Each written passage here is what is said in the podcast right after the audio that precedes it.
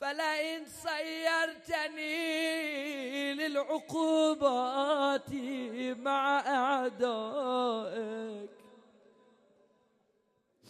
وجمعت بيني وبين أهل بلائك وفرقت بيني خيمة يا أبي عبد الله.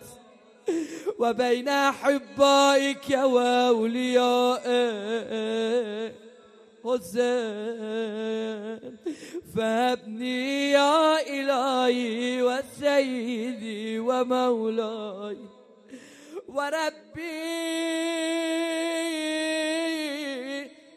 صبرت على عذابك